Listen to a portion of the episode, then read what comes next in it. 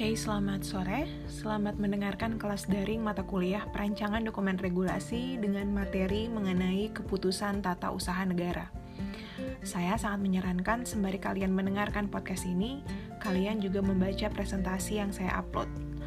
Jadi um, hari ini saya mengupload dua presentasi, presentasi yang um, minggu lalu, eh yang tiga minggu lalu saya upload, kemudian presentasi yang untuk pertemuan kali ini untuk yang sempat saya upload sebelumnya harap diabaikan saja karena ada sedikit update sehingga saya mengunggah yang baru. Jadi dilihat yang ada di laman yang uh, terbaru.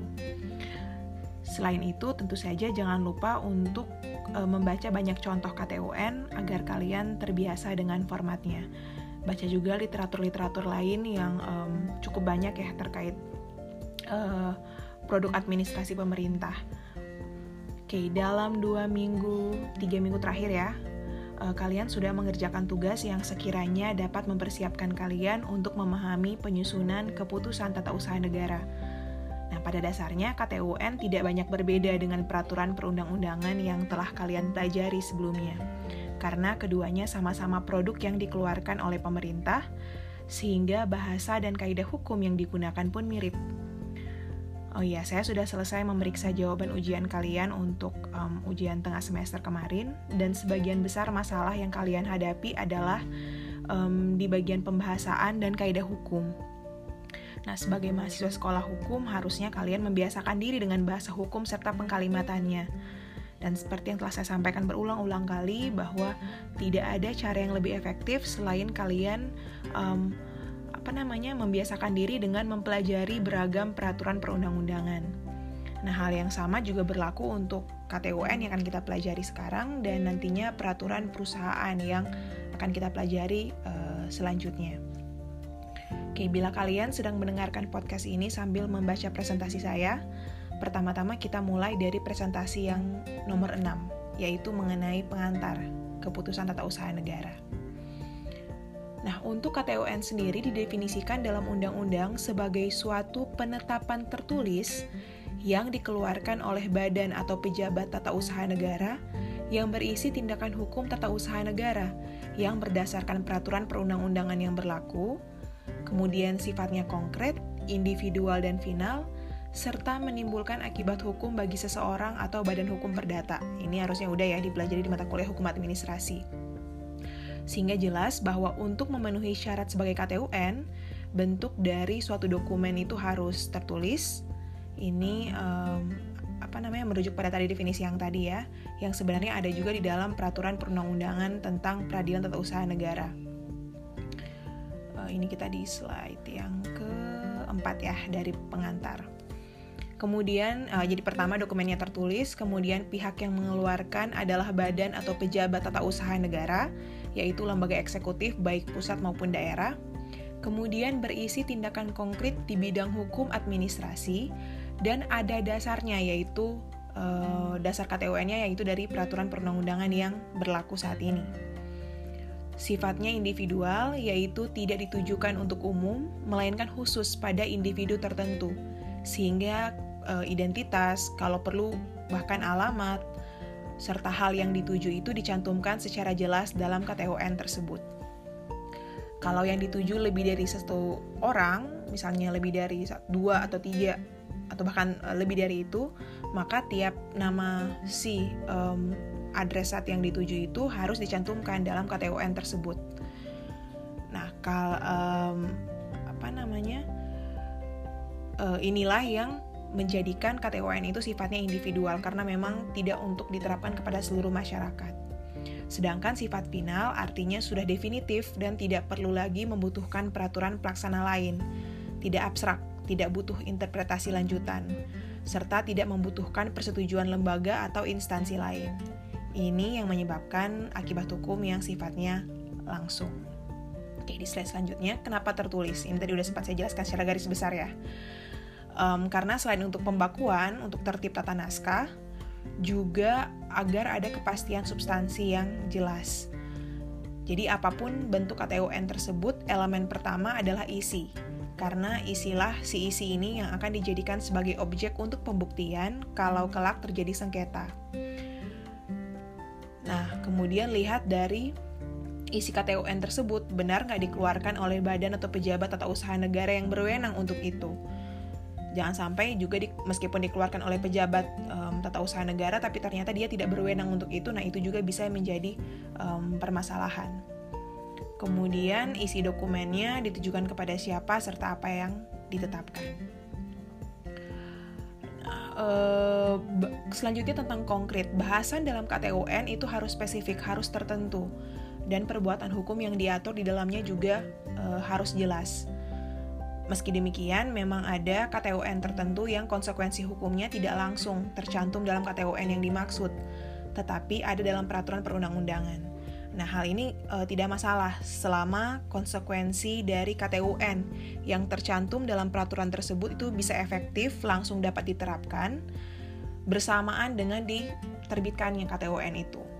Nah, contoh sederhana tentang surat keputusan pengangkatan pegawai negeri sipil. Uh, yang mana detail mengenai uh, gaji, tunjangan itu biasanya tidak akan dicantumkan di dalam si surat keputusan. Karena SK-nya hanya uh, tentang pengangkatan. Tapi um, apa ketentuan dalam peraturan perundang-undangan itu dapat langsung efektif berlaku mengikuti pengangkatan tersebut. Jadi tidak tidak boleh ambigu, tidak boleh abstrak, jadi harus jelas. Kemudian individual tadi udah ya, artinya menunjuk pada satu pihak secara langsung. Kalau lebih dari satu identitasnya, itu pun harus disebutkan secara jelas agar tidak tertukar dengan subjek hukum yang lain. Dan yang terakhir adalah sifat yang final. Berarti tidak butuh pengaturan lebih lanjut, bukan bersifat rekomendasi. Kalian mungkin pernah menemukan bashiking yang sifatnya rekomendasi, tapi um, KTUN yang seperti ini, basicing yang seperti ini tidak bisa dijadikan sebagai objek sengketa tata usaha negara. Harus yang sifatnya final. Nah ini kita merujuk pada ketentuan dalam undang-undang uh, ya terkait um, apa namanya uh, peradilan tata usaha negara.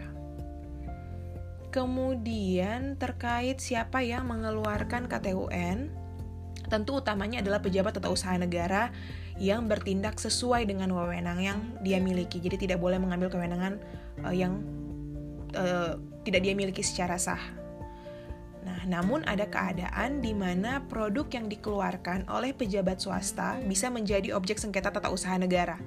Tapi ini sifatnya sangat case by case dan melihat apakah dokumen tersebut um, substansinya terkait dengan kegiatan eksekutif pemerintahan. Misalnya dalam kaitan dengan asas-asas umum pemerintahan yang baik. Contohnya kan pernah ada uh, kasus di mana SK pemecatan yang dikeluarkan oleh rektor perguruan tinggi swasta itu dipermasalahkan, um, dibawa sebagai objek sengketa di tata usaha di uh, eh, PT UN. Nah, muncul pertanyaan, emang bisa kan rektor itu kan bukan pejabat pemerintah? Nah, salah satu poin yang dibahas adalah karena kebijakan yang dikeluarkan oleh rektor ini terkait dengan asas-asas umum pemerintahan yang baik khususnya di bidang pendidikan. Nah, tapi sekali lagi sifatnya sangat case by case dan um, lebih detailnya silahkan kalian pelajari di mata kuliah uh, hukum administrasi atau hukum acara administrasi. Kalau saya tidak salah juga sepertinya ada beberapa putusan Mahkamah Agung terkait hal ini.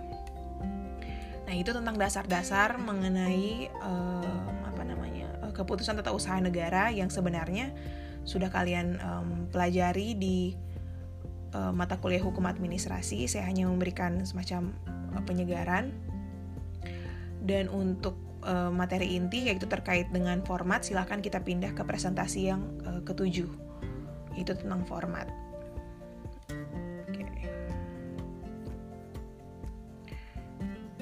Nah, saya sudah mencantumkan dasar hukum yang digunakan, sehingga jangan lupa untuk membaca dasar hukum yang berlaku baik tentang tata, usaha negara secara umum termasuk ke um, lembaga peradilannya ataupun peraturan yang lebih khusus mengenai administrasi pemerintahan. Dan um, saya rasa kalian sudah cukup disegarkan juga dengan tugas-tugas yang sempat saya berikan di uh, dua minggu sebelumnya. Baca kembali juga materi dalam kuliah uh, hukum administrasi. Nah, uh, untuk format KTUN sendiri sebenarnya tidak ada format khusus seperti yang kemarin kita pelajari untuk uh, peraturan perundang-undangan dalam Undang-Undang 12 tahun nomor 12 tahun 2011. Tapi secara umum sebenarnya pedoman-pedoman secara garis besar tetap bisa kalian uh, gunakan juga sih ketentuan dalam uh, Undang-Undang 12 2011 khususnya yang lampiran. Dan lebih spesifik, nanti kalian bisa melihat dalam peraturan menteri uh, dalam negeri nomor 80 tahun 2015 tentang pembentukan produk hukum daerah. Nah, di sana ada contoh-contoh um, keputusan di bagian lampirannya ada contoh-contoh keputusan, kurang lebih formatnya bisa kalian ikuti. Yang saya sarankan kalian bisa lihat keputusan bupati atau wali kotanya bisa dijadikan sebagai contoh.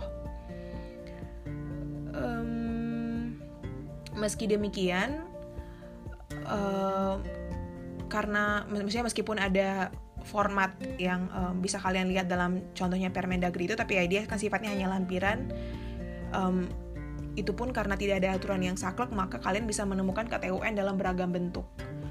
Bahkan kan KTP dan SIM pun pada dasarnya adalah KTUN nah namun untuk sekarang kita akan bahas KTUN dalam bentuk surat atau dokumen yang berupa keputusan. Jadi uh, bukan yang formatnya sudah uh, seperti KTP atau SIM.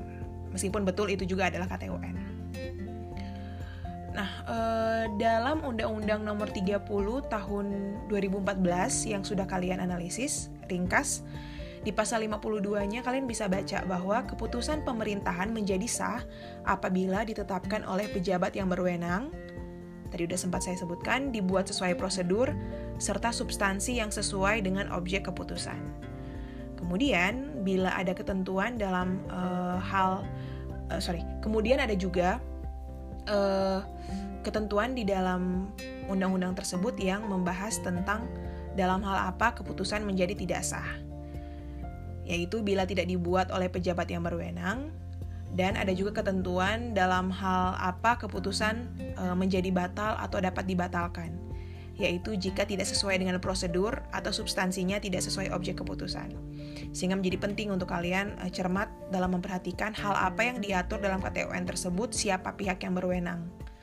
Ketentuan dalam Undang-Undang 30 2014 ini mendampingi aturan umum tentang peradilan tata usaha negara terkait uh, keputusan tata usaha negara.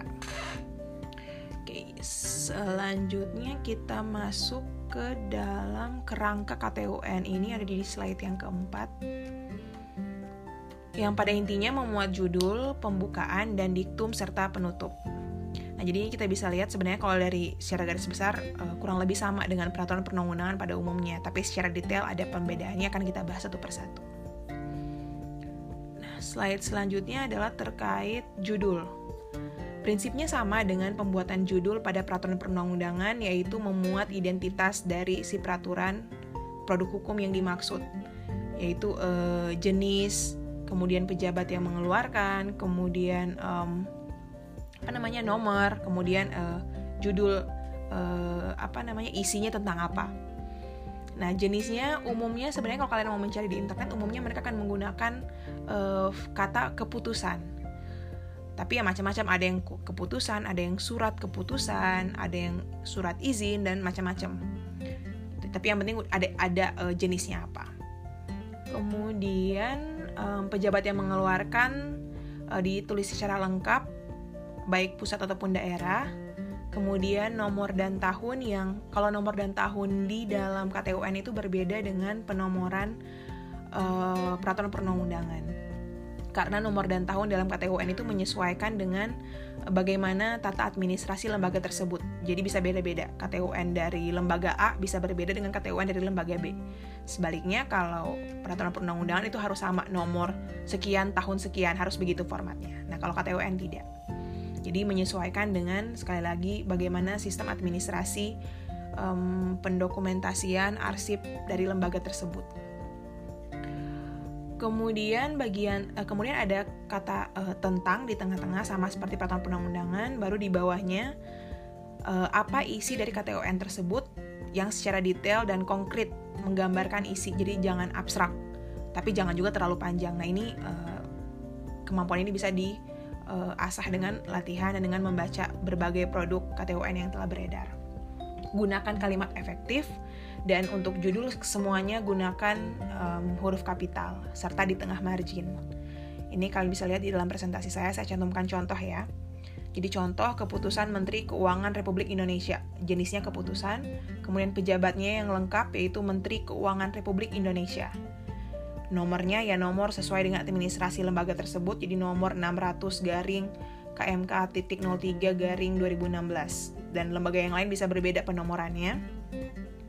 Kemudian tentang di tengah di bawah nomor, kemudian di bawahnya lagi judul apa identitas uh, isi penetapan bank persepsi yang bertindak sebagai penerima uang tebusan dalam rangka pelaksanaan pengampunan pajak. Jadi ini keputusan yang keluar dalam uh, pada waktu ta apa uh, beberapa tahun yang lalu terkait tax uh, amnesty. Kemudian nah ini di slide selanjutnya ada contoh yang kedua. Ini jenisnya keputusan pejabat yang mengeluarkan wali kota Bandung. Jadi harus juga dengan daerah mana ya karena kalau cuma tulis wali kota kita nggak tahu wali kota mana jadi harus jelas. Kemudian nomor ini penomoran yang uh, dipakai dalam sistem administrasi uh, pemerintah kota berarti ya 660 garing uh, cap tidak huruf kapital titik 915 garis datar BPLH berarti mungkin ya di bidang lingkungan hidup di bawahnya tentang, kemudian di bawahnya lagi judulnya Susunan Tim Teknis Pelaksanaan Eco Office di lingkungan pemerintah Kota Bandung tahun anggaran 2014. Jadi ini contohnya. Nah, terkait judul harusnya tidak ada masalah ya. Uh, kalian bisa melihat nanti di tugas kalian uh, menganalisis sesuai nggak ada yang berbeda nggak format dari KTON yang telah kalian pilih. Oke, selanjutnya di slide yang keberapa ini? Ketujuh adalah bagian pembukaan dan diktum. Nah, secara ringkas, pembukaan adalah bagian mulai dari jabatan pembentuk sampai bagian memperhatikan bila ada. Sementara isi atau materi pokok dari KTUN itu adanya dalam diktum. Nah, jadi berbeda dengan peraturan perundang-undangan yang mana kan kalau peraturan perundang-undangan pembukaan uh, kemudian diktum baru kemudian uh, materi pokok. Yang mana materi pokok ini pasal-pasal uh, dari peraturan tersebut. Tapi kalau di dalam KTUN um, substansi materi pokoknya ada di dalam diktum. Jadi kalau dalam KTUN diktumlah yang menjadi substansi dari uh, KTUN. Jadi diktum utamanya. Selain itu, KTUN, KTUN ini tidak menggunakan frasa pembuka, jadi tidak ada kata dengan rahmat Tuhan Yang Maha Esa. Jadi um, itu juga yang menjadi pembeda antara peraturan perundang-undangan dengan KTUN. KTUN tidak menggunakan frasa pembuka. Nah, sekarang kita bahas satu-satu ya. Di slide selanjutnya kita masuk ke bagian pembukaan. Yang pertama yaitu jabatan pembentuk. Jadi setelah uh, judul, misalnya tadi ya kalau saya kembali ke slide yang ke-6, judul Susunan Tim Teknis Pelaksanaan Eco Office di lingkungan pemerintah Kota Bandung tahun anggaran 2014. Nah, bawahnya dilanjutkan dengan jabatan pembentuk. Disebut lagi. Diletakkan di tengah margin, kemudian ditulis dengan huruf kapital dan diakhiri dengan tanda baca koma. Jadi kalau di sini contohnya Menteri Keuangan Republik Indonesia, koma. Kalau Bandung berarti Wali Kota Bandung, koma. Gitu. Selanjutnya setelah jabatan pembentuk uh, adalah bagian membaca. Jadi bagian membaca ini tidak wajib dicantumkan, tapi kalau diperlukan ya bisa, bisa dicantumkan. Jadi jika diperlukan saja baru dicantumkan. Isinya adalah dokumen-dokumen terkait permohonan penetapan KTUN, namun selain peraturan perundang-undangan. Jadi um, bagian membaca ini adalah dokumen-dokumen yang dipakai sebagai uh, apa namanya uh, dokumen yang relevan dalam rangka pembentukan KTUN, tapi selain dokumen produk hukum peraturan perundang-undangan. Jika lebih dari satu butir diawali angka Arab 1, 2, dan seterusnya, dan um, kesemuanya diakhiri dengan titik koma. Kalau ini seperti peraturan perundang-undangan. Nah ini contohnya bisa kalian lihat ada surat permohonan Direktorat Pajak nomor sekian, garing sekian, dan seterusnya titik koma. Dua, notulensi rapat internal sub bagian perpajakan titik koma. Nah ini sebenarnya eh, dokumen-dokumen uh, yang um, digunakan dalam rangka uh, pener, pener, penerbitan KTUN tersebut tapi bukan peraturan perundang-undangan karena peraturan perundang-undangan itu tempatnya ada di bagian uh, mengingat uh, selanjutnya setelah bagian membaca ada bagian menimbang. Nah, bagian menimbang ini isinya pokok pikiran dan alasan filosofis, sosiologis, dan yuridis pembuatan KTUN. Nah, bisa dipisahkan mas satu-satu, bisa juga uh, diringkas, tapi yang paling penting ada adalah alasan yuridis. Kalau lebih dari satu butir, diawali dengan huruf abjad kecil, A titik B dan seterusnya diawali kata bahwa seperti peraturan perundang-undangan dan diakhiri dengan titik koma semuanya. Nah, ini contoh uh, bagian menimbang dari uh, keputusan Wali Kota Bandung tentang tim teknis pelaksanaan Eco Office bahwa sesuai ketentuan pasal 2 huruf C Peraturan Daerah Kota Bandung nomor sekian tahun sekian tentang penyelenggaraan dan seterusnya guna menciptakan kesadaran komitmen. Jadi ini sebenarnya um, bagian menimbang yang A ini termasuk di dalamnya alasan sosiologis, alasan filosofis, alasan yuridis. Gitu. Jadi meskipun tidak dipisah secara eksplisit. Nah kemudian kalau lebih dari satu berarti bahwa berdasarkan pertimbangan sebagaimana dimaksud dalam huruf A, perlu menetapkan keputusan Wali Kota Bandung tentang susunan tim teknis pelaksanaan Eco Office di lingkungan pemerintah Kota Bandung tahun anggaran 2014 dan seterusnya. Akhir dengan titik koma. Nah, hmm, sebenarnya tidak ada format saklek bahwa kan kalau peraturan perundang-undangan itu misalnya kalau ada A, B, C, A, alasan apa, B uh, alasan apa, kemudian C bahwa sebagaimana dimaksud dalam butir A dan B uh, perlu men perlu menetapkan lalala Nah sebenarnya itu tidak tidak standar seperti itu tidak uh, wajib di dalam uh, eh, KTUN, tapi biar rapi kita bisa mengikuti pedoman yang ada di dalam uh, Undang-Undang 12 2011. Jadi um, kalau uh, di bagian menimbang selain alasannya baik mau filosofi, sosiologis atau yuridis, kemudian yang keduanya ditutup dengan bahwa berdasarkan pertimbangan sebagaimana dimaksud jadi seperti peraturan perundang-undangan. Jadi biar rapi kemudian itu bagian menimbang nah selanjutnya bagian mengingat nah yang membedakan bagian mengingat dengan membaca sebagaimana tadi yang sudah sempat saya mention bahwa kalau bagian mengingat memuat dokumen peraturan yang menjadi landasan kewenangan dan substansi. Nah, formatnya sama dengan bagian mengingat dalam peraturan perundang-undangan, yaitu disusun berdasarkan kronologis Kemudian juga jangan lupa hierarki peraturan perundang-undangan. Gunakan angka Arab kalau lebih dari satu dan akhiri dengan titik koma.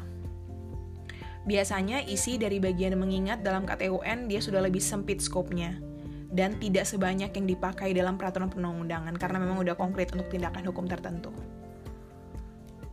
Oke, contohnya jadi uh, oh ya baik membaca, menimbang maupun mengingat itu uh, diawali dengan kata membaca, menimbang atau mengingat, baru ada titik dua, baru kemudian dibaris sama seperti peraturan perundang-undangan ya formatnya. Uh, contoh dari bagian mengingat ini misalnya mengingat titik 21 Undang-Undang Nomor 11 Tahun 2016 tentang pengampunan pajak. Nah, oh ini kalau uh, ini saya ambil dari um, keputusan Menteri Keuangan tentang tax amnesty, bank-bank persepsi terkait tax amnesty. Satu Undang-Undang Nomor 11 2016 tentang pengampunan pajak ditulis lengkap, titik koma, kemudian Peraturan Menteri Keuangan Nomor 99 garing PMK dan seterusnya tentang modul penerimaan negara, titik koma, kemudian Peraturan Menteri Keuangan Nomor 18 dan seterusnya tentang pelaksanaan Undang-Undang Nomor 11 Tahun 2016 tentang pengampunan pajak, titik koma. Nah ini udah lebih konkret ya isinya. Uh, itu kalau bagian mengingat. Kemudian bagian memperhatikan. Nah, sama seperti bagian membaca, bagian memperhatikan juga kalau diperlukan. Berbeda dengan bagian membaca yang isinya dokumen yang dibaca, kalau memperhatikan itu kegiatan yang dilakukan dalam rangka penerbitan KTUN, kegiatan yang melatar belakangi penerbitan KTUN.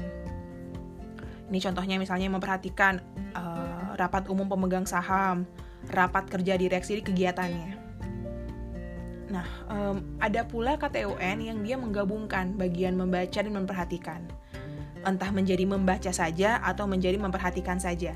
Tapi um, kalau dimuat apa kalau digabung jadi satu di dalam satu gabungan itu ada uh, dokumen yang dibaca, ada pula kegiatan yang dilakukan.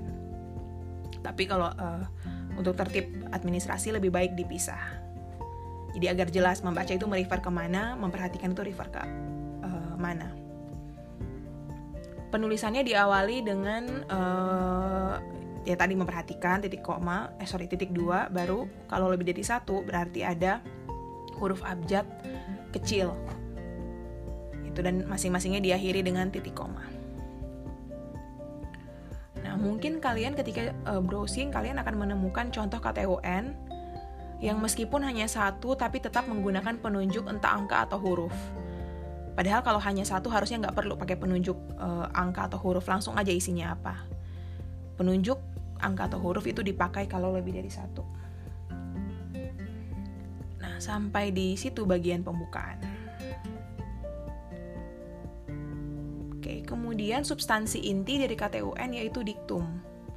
Jadi ini uh, semacam materi pokok, materi pokok dari KTUN-nya yang terdiri dari memutuskan, menetapkan, kemudian nama keputusannya, lalu isi keputusannya seperti apa. Memutuskan ditulis dengan huruf kapital, diletakkan di tengah margin, lanjut dengan titik dua, baru menetapkan, untuk menetapkan tidak perlu kapital, Uh, kemudian apa judul keputusan tersebut yang ditulis dengan huruf kapital dan diakhiri tanda baca titik. Nah, uh, untuk judul uh, keputusan tersebut tidak perlu lagi mencantumkan nomor dan nama daerah, cukup nama pejabatnya saja. Nah, ini mirip kalau untuk format memutus dan menetapkan ini mirip dengan peraturan perundang-undangan. Uh, banyak di antara kalian yang kemarin dalam apa dalam ujian tengah semester kalian menet, di bagian menetap, di bagian menetapkan masih menyebut nama daerahnya. Padahal udah saya jelaskan harusnya cuman uh, nama pejabat dilanjut dengan judul. Nanti setelah ini kita akan lihat contohnya, jadi biar lebih paham.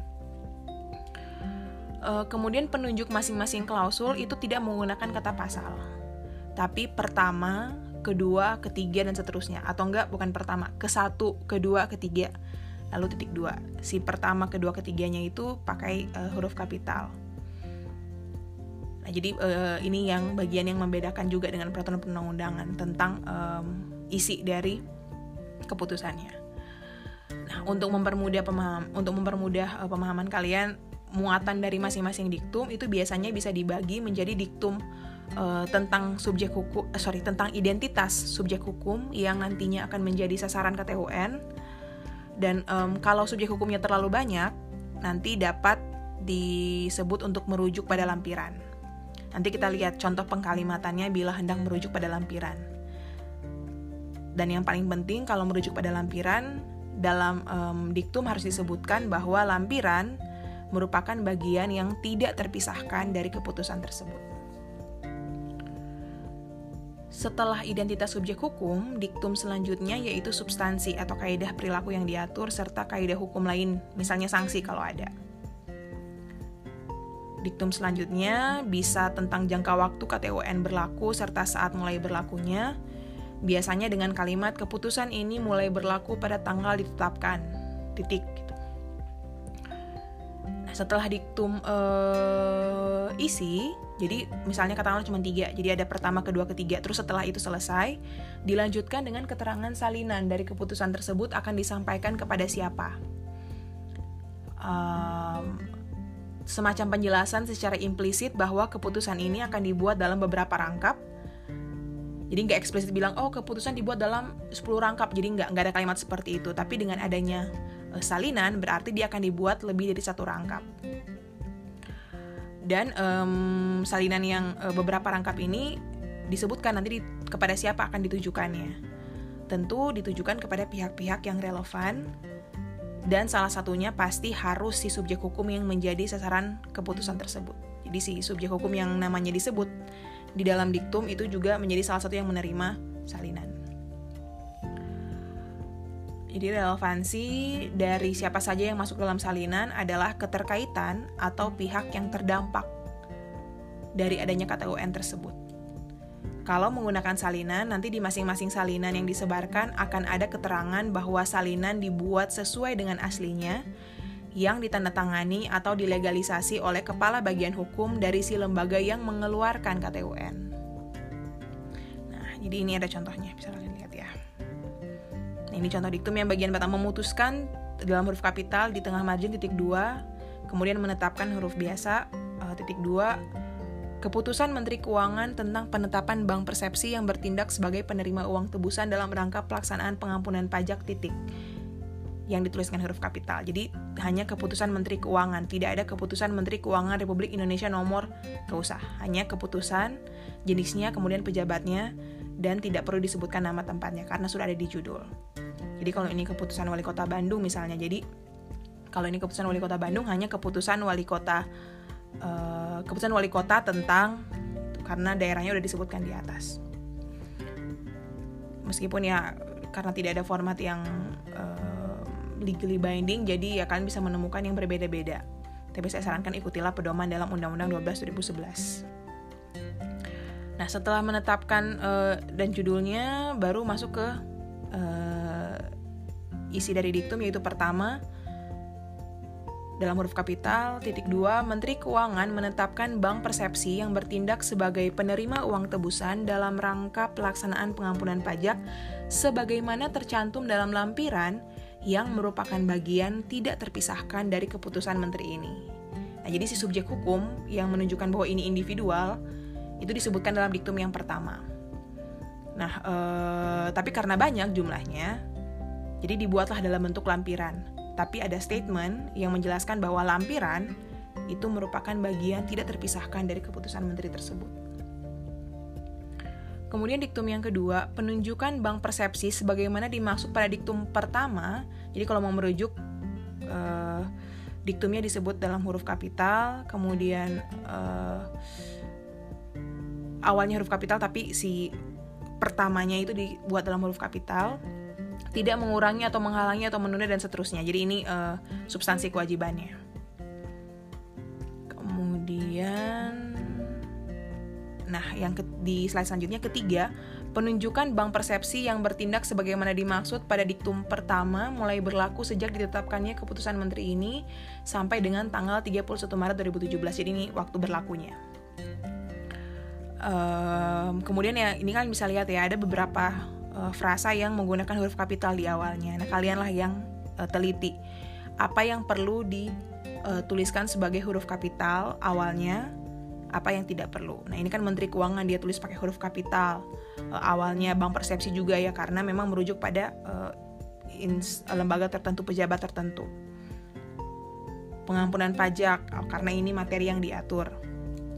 Itu dan sebenarnya Eh, hal-hal uh, yang telah dituliskan dalam huruf kapital di dalam diktum kan kalian bisa lihat bahwa di diktum itu tidak ada ketentuan umum.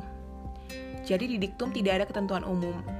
Kenapa? Karena sebenarnya asumsinya uh, ketentuan umum dari hal-hal yang disebutkan dalam di, uh, eh, KTUN itu sudah ada di baik dalam undang-undang ataupun dalam peraturan menteri yang menjadi rujukan dari um, KTUN ini. Jadi mereka nggak mendefinisikan kembali apa sih yang dimaksud dengan bank persepsi, apa yang dimaksud dengan uang tebusan, apa yang dimaksud dengan pengampunan pajak. Karena kesemuanya sudah ada di dalam uh, peraturan yang di atasnya yaitu peraturan perundang-undangan.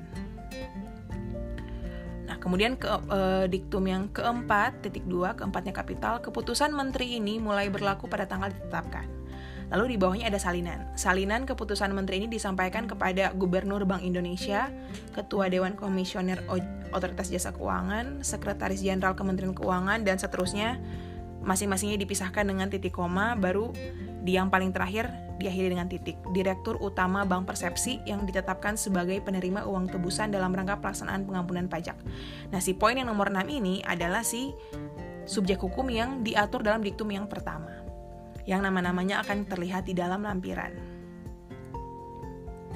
Oke, kalian bisa coba cari ke keputusan menteri ini. keputusan menteri ini bisa kalian cari, kalian bisa lihat lampirannya. Siapa saja sih bank uh, bank uh, bank-bank mana saja yang diatur uh, sebagai bank persepsi sesuai dengan keputusan menteri ini.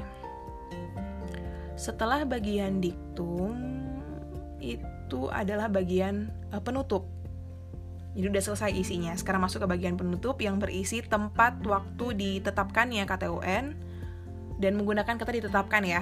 Ditetapkan kemudian pada tanggal uh, dan untuk pada tanggalnya itu tidak diawali dengan huruf kapital. Ini udah saya kasih contohnya. Diletakkan di margin kiri lengkap dengan uh, jadi selain tempat, tanggal, kemudian si pejabat yang uh, mengeluarkan menerbitkan KTUN tersebut pejabatnya e, ditulis tanpa gelar. Kemudian untuk nama pejabat ini dan jabatannya ditulis dalam huruf kapital, sisanya huruf biasa. Ini contohnya bisa kalian lihat ya. Ditetapkan di Jakarta pada tanggal 18 Juli 2016, Menteri Keuangan Republik Indonesia Bang ba oh, sorry, Bambang PS Brojonegoro. Itu penutup, uh, kurang lebih mirip dengan penutup dalam ketentuan peraturan perundang-undangan. Nah, kemudian bagian lampiran di slide selanjutnya. Sekali lagi harus disebut dalam diktum bahwa lampiran merupakan bagian yang tidak terpisahkan dari KTUN tersebut. Nah, untuk bagian lampiran ya harus disebutkan lampiran keputusan apa.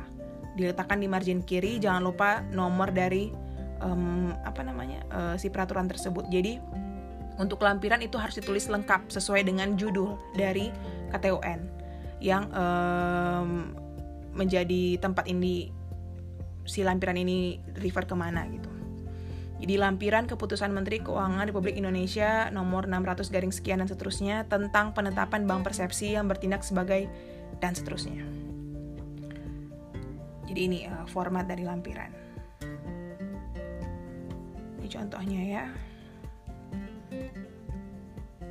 Kemudian terkait petikan, jadi sebenarnya petikan ini um, sudah tidak lagi dipergunakan sekarang karena sekarang kita sudah menggunakan yang tadi namanya salinan.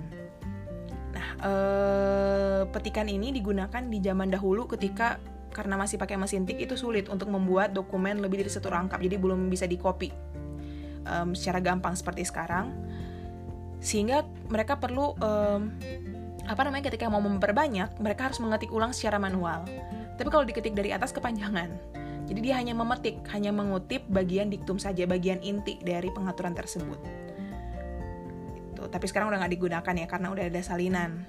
Jadi pihak yang menerima salinan nanti di lembar um, salinan tersebut akan ada um, satu bagian berisi legalisasi dari pejabat yang mengeluarkan salinan. Jadi biasanya yang mengeluarkan salinan itu adalah si kepala bagian hukum. Kalian bisa coba lihat kalau kalian uh, lihat di uh, internet contoh-contoh KTUN ya pasti akan ada uh, kolom legalisasi. Jadi akan disebutkan siapa pihak yang um, melegalisasi si dokumen salinan ini. Gitu. Oke, materi hari ini sampai di sini. Kalau ada pertanyaan, silahkan diajukan baik melalui chat IDE maupun email. Akan saya usahakan untuk membalas secepatnya. Namun ya sekali lagi harapan saya kalian juga mandiri menggunakan berbagai literatur, jangan hanya berpatokan pada presentasi yang saya upload ataupun um, materi yang saya sampaikan melalui podcast tentu saya utamanya juga refer kepada berbagai KTUN yang beredar serta peraturan perundang-undangan yang berlaku terkait keputusan tata usaha negara. Untuk tugas, untuk menjamin agar kalian mendengarkan materi ini, karena saya nggak bisa mengontrol ya, um, apakah kalian benar-benar mengikuti materi, memahami atau enggak, tapi setidaknya dengan mewajibkan kalian untuk mendengarkan, um, ya saya sudah cukup menjalankan kewajiban saya untuk bisa membantu kalian memahami sekarang kembali ke uh, inisiatif dari kalian sendiri untuk um, bertanya apabila ada kebingungan dari materi yang saya sampaikan. Nah, untuk tugas, jadi berikut tugas yang harus kalian lakukan. Dari KTUN yang kalian gunakan untuk tugas sebelumnya, tugas yang pertama terkait KTUN, buatlah tabel analisis format KTUN tersebut. Jadi buatlah analisis apakah sudah sesuai dengan tertib administrasi mulai dari judul, pembukaan sampai diktum, jabarkan elemen-elemennya masing-masing dan dicek sesuai atau enggak KTUN yang kalian um, apa namanya uh, pilih sama apa yang telah saya jelaskan. Sampai lampiran bila ada, penutup dan lampiran bila ada. Nah, file KTUN yang kalian pilih tolong dilampirkan di email. Jadi sekali lagi, tolong dilampirkan di email si file KTUN yang kalian um, pilih bersama-sama dengan file tugas kalian dan seperti biasa di email nanti untuk um, format emailnya akan saya cantumkan di dalam portal. Tapi untuk tugasnya apa kalian harus mendengarkan materi ini. Oke sampai di sini materi hari ini tentang keputusan tata usaha negara. Selamat belajar semoga tetap sehat. Sampai bertemu di uh, materi selanjutnya terkait peraturan perusahaan